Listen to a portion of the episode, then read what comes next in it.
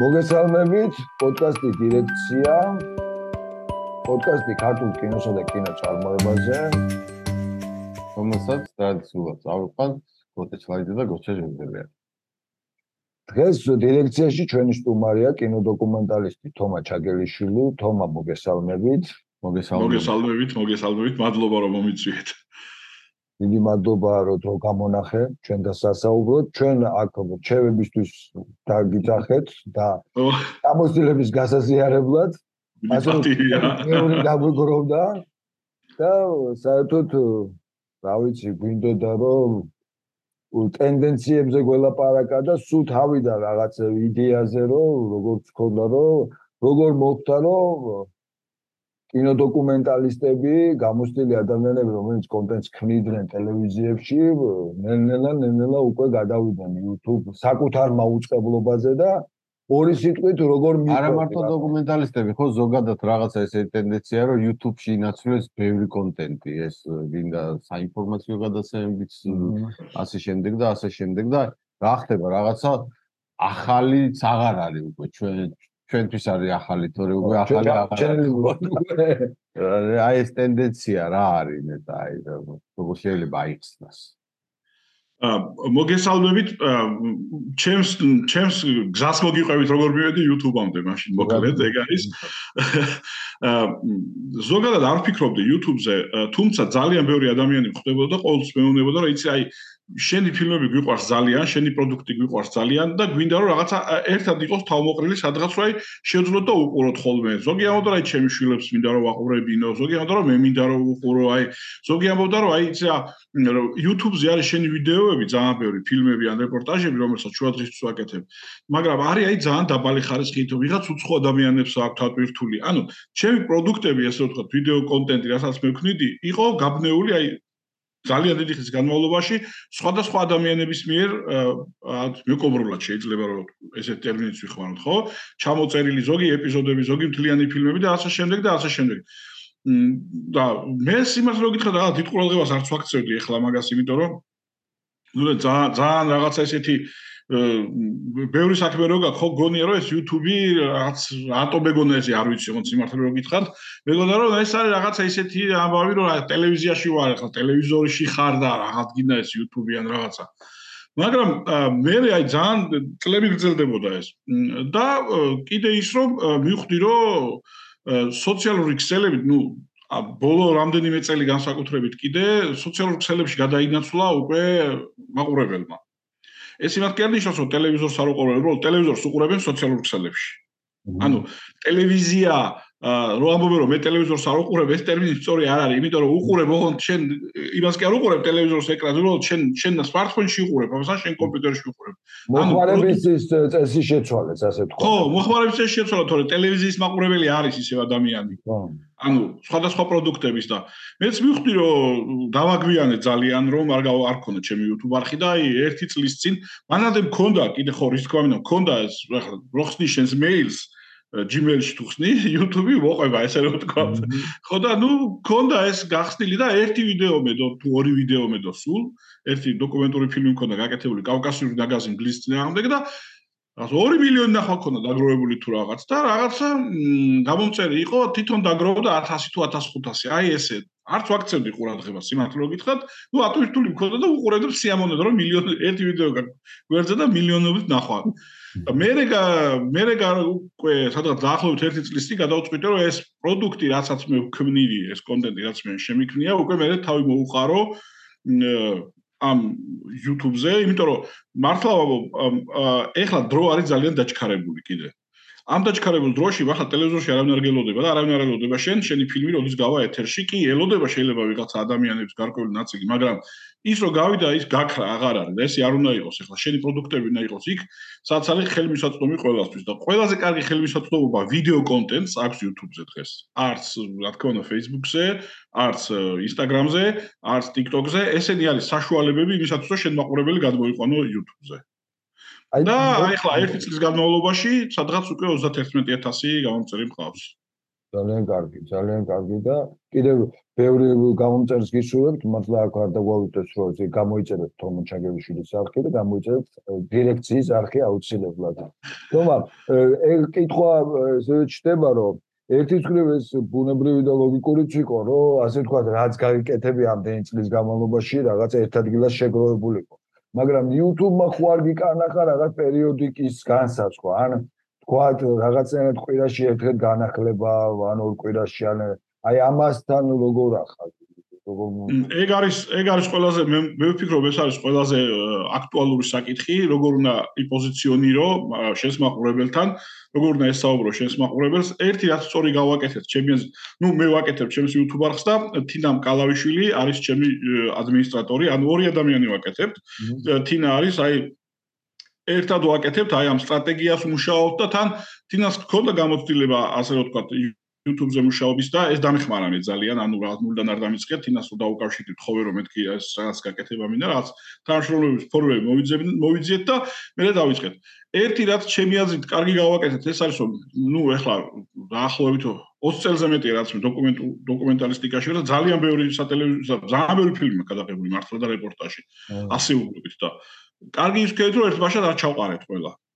ანუ დავიწყეთ ნელა ხო, მაყურებელს უნდა მიაწოდო, ჩემი ხო აი ხლა როგორი ისა გვაქვს. ეხლა რომელთა დებთ კვირაში აა ორ ვიდეოს. და ვფიქრობ, რომ ესეც შეიძლება ერთიც კარგი იყოს, რომ დადო. მაგრამ გააჩნია, ან ეხლა დებთ, მაგალითად, ეხან ერთ ფილმს და მაქვს ადრე მქონდა გაკეთებული სერიალი ისტორია თომა ჩაგერიშვილთან ერთად, ვიქტორინა იყო და კვირაში ერთხელ დებთ ამ ვიქტორინას, ეხლა ეს სადაც სამი თვე გაგრძელდება. მე და მე ვდებთ ხოლმე ან ფილმს ან რეპორტაჟს. აა ვაკვირდებით, აი ძალიან მნიშვნელოვანია ეს აი რა რა დოზით მიაწვდი მაყურებელს. არ უნდა არ უნდა გადაღალო ჩემი აზრით მაყურებელი და არ შიმშილი არ უნდა გაუჩინო იმ პროდუქტის, რომელსაც ელოდება და რომელიც ვინც არის შენი გამომწერი. აი ამას, მაგრამ ეს არ არის რაღაცა ჩემი აზრით კონსტიტუცია და რაღაცა აქსიომა არ არის. აა უნდა დააკვირდე როგორი დინამიკა გექნება საერთოდ და როგორი კომუნიკაცია გექნება მაყურებელთან და იმის მიხედვით უნდა მიაწოდო ეს პროდუქტები, რომელსაც ქმნი. ну ერთი რემარკის საერთოდ ეკონომიკაში პროდუქტის კანიბალიზაციას ეძახიან ხოლმე თუ კი პროდუქტი ჩქარ-ჩქარა იცვლება ახალი ყოველი ახალი გამოშვებული პროდუქტი ძველს ჭამს და ამიტომ მაგას ძალიან ისეთი საფრთხილო მიდგომა უნდა ასე ვიარო რაღაცნაირად ეს უნდა ბაშა შეიძლება არ იყოს შიმშილობაც არ უნდა იყოს და ამავდროულად გადატვირთვაც არ უნდა იყოს. უბრალოდ მაგ კიდე ერთი საკითხი დგება რომ შენ მაინც თული პროდუქტი გაქვს, თომა, ეს არ შემიძლია არ კითხო, რომ თული პროდუქტი გაქვს, ეს მოიცავს რაღაც ისტორიულ ცნობებს, ისტორიულ ასე ვთქვათ პროფესიულ ესეთ სცენარებს, აღწერას, პლუს შენ გიწევს იქ ადგილებზე ჩასვლა, გადაღება. აი ამას როგორ ერევი, ასე თქვა, როგორ ახერხებ აი ესეთი პატარა გუნდით და როგორ გამოგდის ან აა ჯერ ჩვენ რასაც ვაკეთებთ, რასაც დებთ ამ ერთ წლის განმავლობაში, ეს არის რაც გადამიღია იმ ვიდეოებს დებთ. აჰა. მე მეორე მე მუშაობ ახლა რუსთავი 2-ში და ჩემს ტელევიზიას თან არ მაქვს ეს კონფლიქტი ასე რომ ვთქვათ ამ საკითხში ახლა ტელევიზიასთან თანამშრომლობდა ან ტელევიზიაში რომ გავაკეთებ რომ გავა ეთერში ტელევიზიაში მე შეიძლება გადმოვიტანო ჩემ YouTube არხზე თუმცა ამით მე ვეხმარები რუსთავი 2-ს რუსთავი 2-ს ანუ თეგებში და იმებში წერ ანუ რუსთავი 2-ის უკვე სოციალური YouTube არხი და ჩემი YouTube არხი ერთმანეთს ვეხმარებით ერთმანეთის პოპულარიზაციაში. ბრენდინგია რაღაცნაირად ხო? ხო ხო იმიტომ რომ არ შეიძლება ახლა რომ პირიქით კარგია ურთიერთსასარგებლო ორი ორი ერთის სასარგებლო გამოდის ხო ანუ მე რუსთავი 2-ს ვეხმარები რუსთავი 2 მე მეხმარება და ამიტომ ეს ის გვაქვს თორე. ეხლა მე რომ პროდაქშენი მქონდეს ცალკე მხოლოდ ჩემი პროდაქშენზე რო იყოს დამოკიდებული ეს ეს შეუძლებელი იქნებოდა პრაქტიკულად ხო და აი კითხვა მაქვს. ანუ მაგის პერსპექტივა პრინციპში აი ჩვენაირი პატარა ქვეყნისთვის მაინც რთულია ხო? მაინც რაღაცა ლიმიტირებულია და ენის გამო რაღაც შეზღუდვები არსებობს რომ ჩვენ ამ მაგ პროდუქტს ვთქვათ შეხედავენ სხვა ქვეყნებში და ამიტომ მონეტიზა მონეტიზაციაზე რა საერთოდ რამეს ფიქრობთ თუ ხდება თუ მონეტიზაცია ჩართული მაქვს კი. ხო. მონეტიზაცია ჩართული მაქვს თუმცა მე ვფიქრობ რომ ერთი იმაში გეთახეთ რომ ჩემი პროდუქტები არის ერთ მნიშვნელოვნად ქართული მაყურებლისათვის ვინც საუბრობს ქართულ ენაზე. არის რამდენიმე ფილმი რომელიც აიგივე კავკასიური ნაკას რო ამბობდი ხო ეხლა მილიონობით მაყურებელი ყავს მანგას ყავს არამხოლოდ ქართველი მაყურებელია, უცხოელი ძალიან ბევრი უყურებს, მაგრამ ეს არის რამდენიმე ფილმზე შეიძლება ესე ვისაუბრო, რომ მაგალითად ჩემი ფილმების მომხმარებლები იყვნენ უცხოელებიც. მაგრამ უმეტესობა მაინც არის ქართველი მაყურებელი, 70% მიყურებს საქართველოში, 30% მიყურებს საქართველოს ფარგლებს გარეთ, მაგრამ ის 30%-იც ქართველია, რომელიც საზღვარგარეთ ცხოვრობს. ხო ხდებით? ანუ სტატისტიკა რაც არის, ეს არის. ამიტომ ახლა ჩვენ გინდა თუ არ გინდა საქართველოს და საქართველოს ანუ ქართველი 5 მილიონზე მეტი არ ვართ საქართველოს ცხოვრობ და საქართველოს გარეთ და ეს არის ჩვენი მომხმარებელი, ეს არის ჩვენი მაყურებელი. ამიტომ ეხლა ჩვენ ამავე დროს საქართველოსში მონეტიზაცია არის უფრო IAP, ასე რომ ვთქვათ, მაყურებელი უფრო IAP ღირს რეკლამა, ვიდრე ვთქვათ ამერიკაში. ამერიკაში რომ მილიონი ადამიანი გიყურებს, უფრო მეც გადაგიხდიან, ვიდრე საქართველოში რომ გიყურებს მილიონი, აქ სადაც 10 ჯერ ნაკლებს გიხდიან საქართველოს. აი ეგრე არის მე აი პრინციპები არის ხო. კი გააჩნია სადგიყურები რა თქმა უნდა სტატისტიკა ქვეყნდება კიდე როდესაც შენი ისა გაქვს ხო ანუ რომელ ქვეყანაში არის უფრო მეტი განახდა სიტყვაზე საქართველოს 10 ცენტებია იქ არის 10 დოლარი სიტყვაზე რაღაც რაღაცა ალგორითმებით როგორც ითვლის ანუ ჩვეულებრივი ქართული ანუ შენ მონეტიზაცია რა არის რომ YouTube ანთავსებს შენს ვიდეოზე თავის რეკლამას და შენთან რეკლამა ხილს უფრო იაფი ვიდრე ამერიკაში. ჩვენ ანუ აი ჩვეულებრივი ამბავია YouTube-ის სიდიდის მიხედვით რა. ხო, YouTube-ი ამბავს და სიდიდის მიხედვით, სიდიდის მიხედვითაც ალბათ რა. თავის თავის ალგორითმი აქვს მას. ამიტომ ვიძახი ან ეს YouTube-ი ამას ჩვენ ვერ ვერევით ამაში. ჩვენ არანაირი გავლენის მოხდენა არ შეგვიძლია. რაც არის ეს არის რომ შენ ხარ საერთაშორისო სოფლიო ტელევიზორში ხარ. ხო და სადაც გიყურებენ ეგ არის. ამიტომ ეხლა ჩემ მე თვითონაც ხედავ რეალურად როგორი სიტუაცია არის ანუ მე ქართველებს ზოგადად ქართულენოვან მაყურებელს გვაქვს ჩვენ ჩვენი ლიმიტი რა მე 5 5 მილიონს იგივე ვერ წახვალ თუ შენ ფიქრობ იმაზე რომ შენ აკეთო შენი პროდუქტი ქართული მაყურებლისათვის და მე მინდა რომ ქართული მაყურებლისათვის აკეთო პროდუქტი თან. აი მაგ ერთი კითხვა შდება თომა რომ ხომ არ გიჩნის ამ შემთხვევაში რუსთავთან ერთად კოოპერაცია რომ შენ ასე თქვა მოიზიდო სპონსორები და აი შიდა რეკლამა გააკეთო. თქვა ან product placement-ით ან რაღაცნაირად. აი სკუარ იმას ან თუ გაქვს ასეთი ცდილობები რომ მოიყვანო სარეკლამო კომპანიები, რომელსაც რაღაცნაირად რეკლამირებას გაუკეთებ და თქვა იმით დაფარო ეს განსხვავება, ასე თქვა რა, YouTube-ის მონეტარიზაცია რაც ვერ გეტყვი. იცი როგორ არის ახლა სიმართლე გითხრა მაგიმართლებთ არ მუშაობს საერთოდ. ახლა რო თქვა რომ YouTube არის ამ წუთში ჩემი თავარი ხაზი. არა, ჩემი თავარი ხაზი მაინც არის რუსთავი ორი ახლა ტელევიზია, იმიტომ რომ კარგი გეგმები გვაქვს. 2023 წელს და ახალ დოკუმენტურ სერიალს დავიწყებთ ახლა და ანუ მაგაზე ორიენტირებული. YouTube არის ჩემთვის მომავლის მომავლის არხი. მომ ხო მომავლის არხი არის ჩემთვის YouTube მართლაც. აა იმიტომ რომ ვიცი რომ ძალიან პერსპექტიული არის ელემენტარულად ინახავ შენს ან შენი რასაც რაც კი შეგიქნია შენ ოდესმე კონტენტი ხო? ერთიანად უყრი ამას შენ თავს და მაყურებელს აქვს იმის შესაძლებლობა რომ აი გაჯდეს და შეხედოს უყუროს. მაყურებელთან კომუნიკაცია გქონდეს, მაყურებელთან მაქვს ძალიან აქტიური კომუნიკაცია და ესეც ძალიან მნიშვნელოვანია, ამაზეც მე თუ კითხვა გეკეთებათ, ამაზეც შემიძლია რომ ვისაუბროთ. ანუ ამის თქმა მინდა ხაი ამ წუთში აი ესე არ ვართლიანად გადართული YouTube-ზე, იმიტომ რომ ამას სხვათა შორის ძალიან დიდი შრომა და ძალიან დიდი დროები აქვს. ზოგს რო გონია რომ YouTube-ი არაფერი არ არის, ადვილია, ადვილი კი არა, ყველაზე რთულია. ზოგადად სოციალურ ქსელებთან კომუნიკაციაში რას გულისხმობ?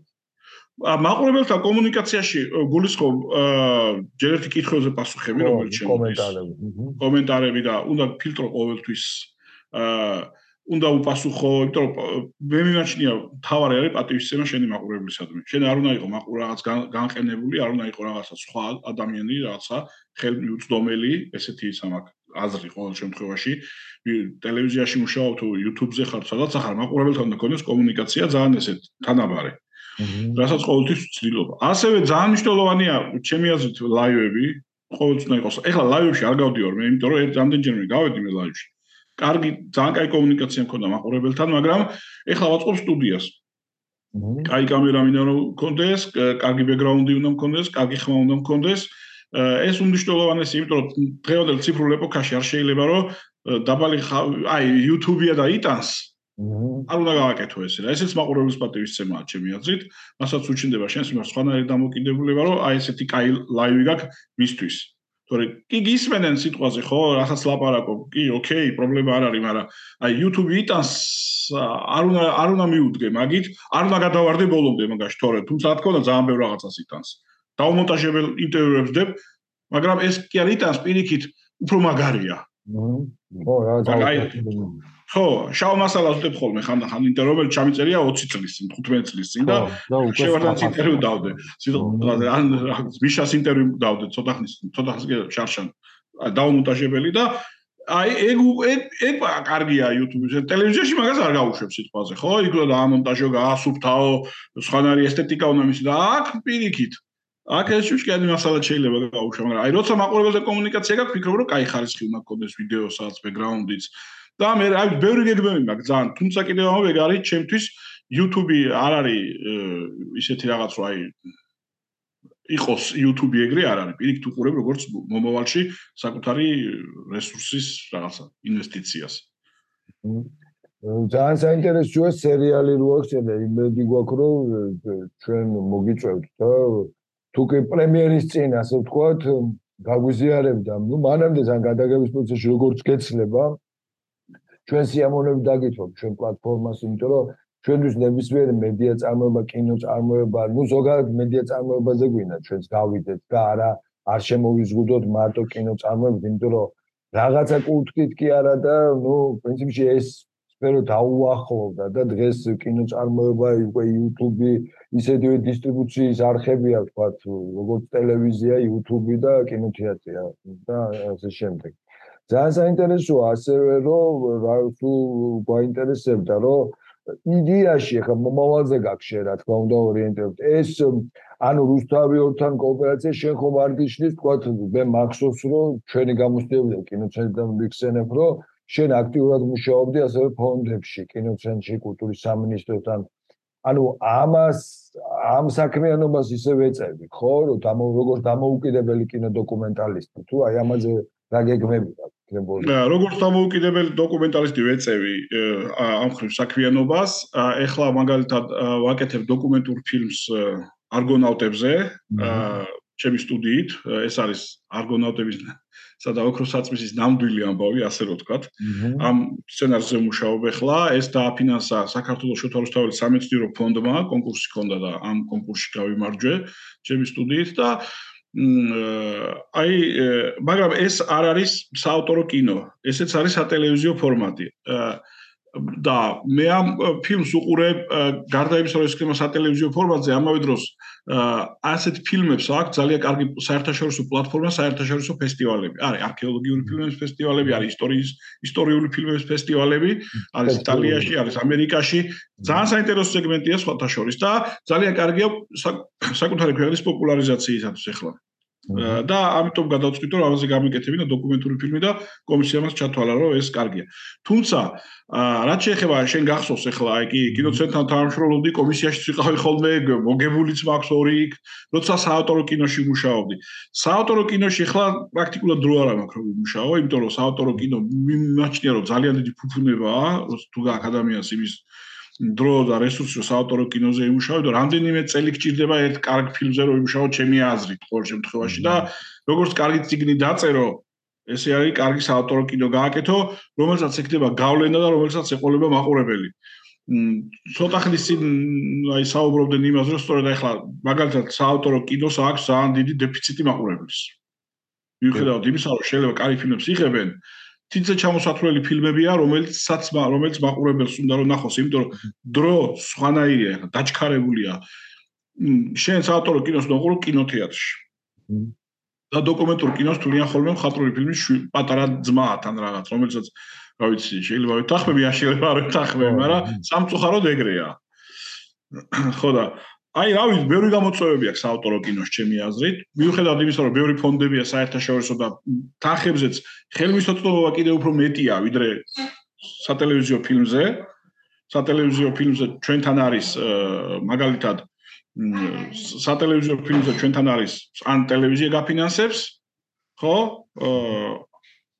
აი ეგ არის. ან რაღაცა ან რაღაცა ფონდში შეიძლება რომ ნახო ხო საქართველოში. მაგრამ აი ქართულ საავტორო კინოს ავტორებს, რეჟისორებს შეუძლიათ შეუძლიათ საზღვარგარეთიდან ძალიან კარგი ბიუჯეტები მოიზიდონ მაგალითად და თუმცა ძალიან საწვალებელია ეს ყველაფერიც.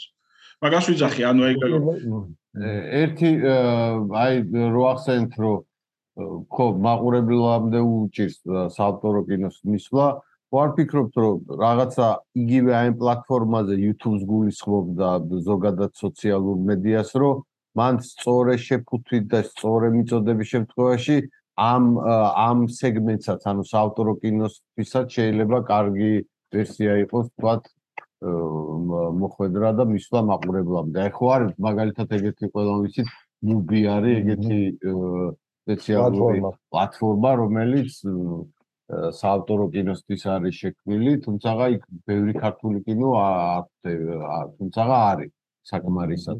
აი ასევე YouTube-ი ხო არ შეიძლება გახდეს რაღაცა სწორე პლატფორმის ჩამოყალიბების შემთხვევაში? YouTube-ი და ზოგადად სოციმედიას გულისხმობ ხო ნუ. იმიტომ რომ მაქვე მინდა დავუმატებ კოტეს კითხვას უბრალოდ სოციალურ მედიაზეც იქნებ გითხრა ორი სიტყვით ანუ YouTube-თან ერთად აი Facebook, Instagram ამაზე როგორ მუშაობ და როგორ აგაკ ასე თქვა ეს ქსელი კი ბატონო, კარგი, სოციალურ საავტორო კინოზე ახლა მე მაინც არ ვიცი, ამდენი არ ვიფიქრე, უბრალოდ წარმოიდგინეთ საავტორო კინოს ყავს ერთ ავტორი, რომელიც აი 5 წელი იღებს შეიძლება შენ ფილმს და ფესტივალებზე გზავნი, როცა ფესტივალებზე გზავნი და რაღაცა დახურული გაქვს შენ სოციალური ვიდეო, სოციალური ქსელები ყველგან. ერთადერთი შენ ტრეილერი შეიძლება რომ მოხდეს. და ხოლმე და ხოლმე ფესტივალებზე ხდება შენი ფილმი და აი საქართველოში საავტორო კინოს თუ აჩვენებს და ხოლმე ხოლმე და ხოლმე აი საზმაო გოჩა აი თქვენ დროს ყაო და ესე რა თქვა როცა ძალიან აქტიურობდა მაშინ საზოგადოება სტუდია იყო და ასე შემდეგ. სტუდია იყო და რაღაც ხო ეხლა არ ვიცი ხო და რაღაცახი ეხლა შეიძლება 5 წელი იღებდი ადამიანი ერთს გადაიღო და შენ YouTube გვერდზე დადო მაგრამ შენ მაშინ რაღაცა უნდა არსებობდეს სპეციალური პლატფორმა სადაც ეს განთავსდება მაგას გულისხმობ ერთ ერთ ადამიანმა რომ გააკეთოს და თავის YouTube გვერდზე დადოს რა ეხლა რავი არაფერი რა. ამ YouTube-საც ხო ცუდი ალგორითმი აქვს, ცუდი რა, კაი, ხო, ცუდი ალგორითმი ის აქვს, რომ თუ ყავს ბევრი გამომწერი, ყავს ბევრი მაყურებელი, თუ არ ყავს გამომწერები, მაყურებელიც არ ყავს. ძალიან იშვიათია რაღაც ალგორითმი მოხდეს და გავარდეს ესე ფილმი. საერთოდ არ საიდან რა. ხო, თვითონ დისტრიბუცია გამარტივებულია, მაგრამ მიიტანა იმდენი არხია და მაყურებელიც ისე დაბნეულია, რომ იმ მაყურებელამდე მიიტანა ძალიან ძნელი არის. იმიტომ არის რომ დიდი ფილმებიც კი ხშირად აი მიტანა მარკეტინგის ხარჯები ორჯერ აღემატება წარმოების ხარჯებს რა. გოჟეს ფორსაჟის მას ველაპარაკეთ, აქ ვინც გადაიგო და აუცილებლად გინდა მოვიწიოთ and Furious ქვია მაგრამ ფორსაჟი რუსული ისა. ხო, ნუ როგორც არის, ნუ რაღაც ცნობილი მე თბილისში გადაიგეს და იქ ხარჯებზე ლაპარაკობდა 400 მილიონამდე ფილმი დაждდა და სადღაც 600 მილიონამდე იმის მარკეტინგი. ხო და აი ხო ამ ყველაფერს ძალიან მნიშვნელობა აქვს რა. რაც შეეხება სოციალურ ქსელებს სხვა, აი ჩემ YouTube-თან მე მიბმული მაქვს. ჩემი ოფიციალური გვერდი თომა ჩაგელიშვილი ოფიციალური გვერდი ანუ არა ეს ანუ პირადსაც ხმარობ ჩემს გვერდს მაგრამ უფრო მეტად ხმარობ ჩემ ოფიციალურ გვერდს ანუ თუ რამე დაიდება YouTube-ზე მაშინ გადმომაქვს ჩემს ოფიციალურ გვერდზე Facebook-ის და ვცდილობ რომ Facebook-იდან დავახმარო მაყურებელი. ამავე დროს ახლა Instagram-ზე მე ძალიან დიდი აქტიურობით არ გამოვირჩევი და რაღაცა ერთადერთი კვირაში ერთი story შეიძლება დავდო ხოლმე YouTube-ის ლინკს დაურთავ ხოლმე, ან შორტების გაკეთება დავიწყეთ კიდე ძალიან მნიშვნელოვანია, რა ძალიან კარგად მუშაობს YouTube-ზე ეს შორტები და ეს შორტებიც გადავმაქვს ხოლმე და დაურთავ ფოტოზე ლინკს ურთავ და ვეუბნები რომ აი იმაზე გადადით, ნახეთ და რაღაცა. მაგრამ რასაც მე ვაკვირდები, არ ვიცი ახლა შეიძლება ჩემი სწორი ან არასწორი სტრატეგია არის ეს. YouTube-ის მაყურებელი YouTube-ში არის 90% და 10% აი შეიძლება უფრო ნაკლები, შეიძლება 5% არის, რომელიც აი Facebook-დან და Instagram-დან. TikTok-ი არ მაქვს ახლა, ვერ ვერ გავერკვი ამ TikTok-ში და არც დრო არ მაქვს ახლა რომ მაგის ის და ჩვენი თაობისთვის არ არის თომა. ეგ ჩვენთვის არ არის. ჩვენ გავერკვი. მე ჩემი შვილები მეუბნებია რომ არისო. შენი თაობისთვისაც არის რომ და გააკეთეო და ძალიან მალე აკრებ აკრებ მაყურებელსო. ჩემი 14 წლის შვილი მეუბნება სულ მაგას, მაგრამ მეუბნები გააკეთე მეთქი. ჩემს მაგირად და მიდი მეთქი. უბრალოდ რას ვიძახი? იცი რომ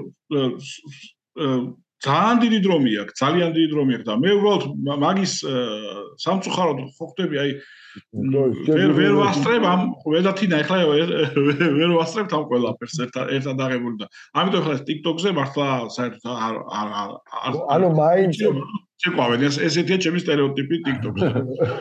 მაინც ვცდილობ რომ ძალიანად მაყურებელი წამოიყვანო, ასე ვთქვათ, YouTube-ზე. YouTube-ზე მოხდეს ეს ძალიან შეკრება, ხო? კი. გქონდა რა. კი, შეხვედრის ადგილი არის YouTube. YouTube. ჩვენ გქონდა რამდენიმე გამოცდილება Facebook-ზე ვიდეო დავდეთ და ფაქტობრივად ანუ არ იმუშავა კი არა, ну უაზრო იყო რა, ჯობია ეს ლინკა დაიდოს და რაღაცა ერთ ადგილას მოხდეს მისი გენერირება რა. ძალიან საერთოდ მეკითხო, ეხლა ჩვენი გამოცდილება მინდა გაგიზია, რომ პოდკასტებთან დაკავშირებით, იმიტომ რომ ჩვენ ეს პროექტი დავიწყეთ როგორც აუდიო. უბრალოდ სულთა პოდკასტი, Spotify, Google პოდკასტი, Apple პოდკასტზე გავედით, მარტო ხმით გავდიოდი.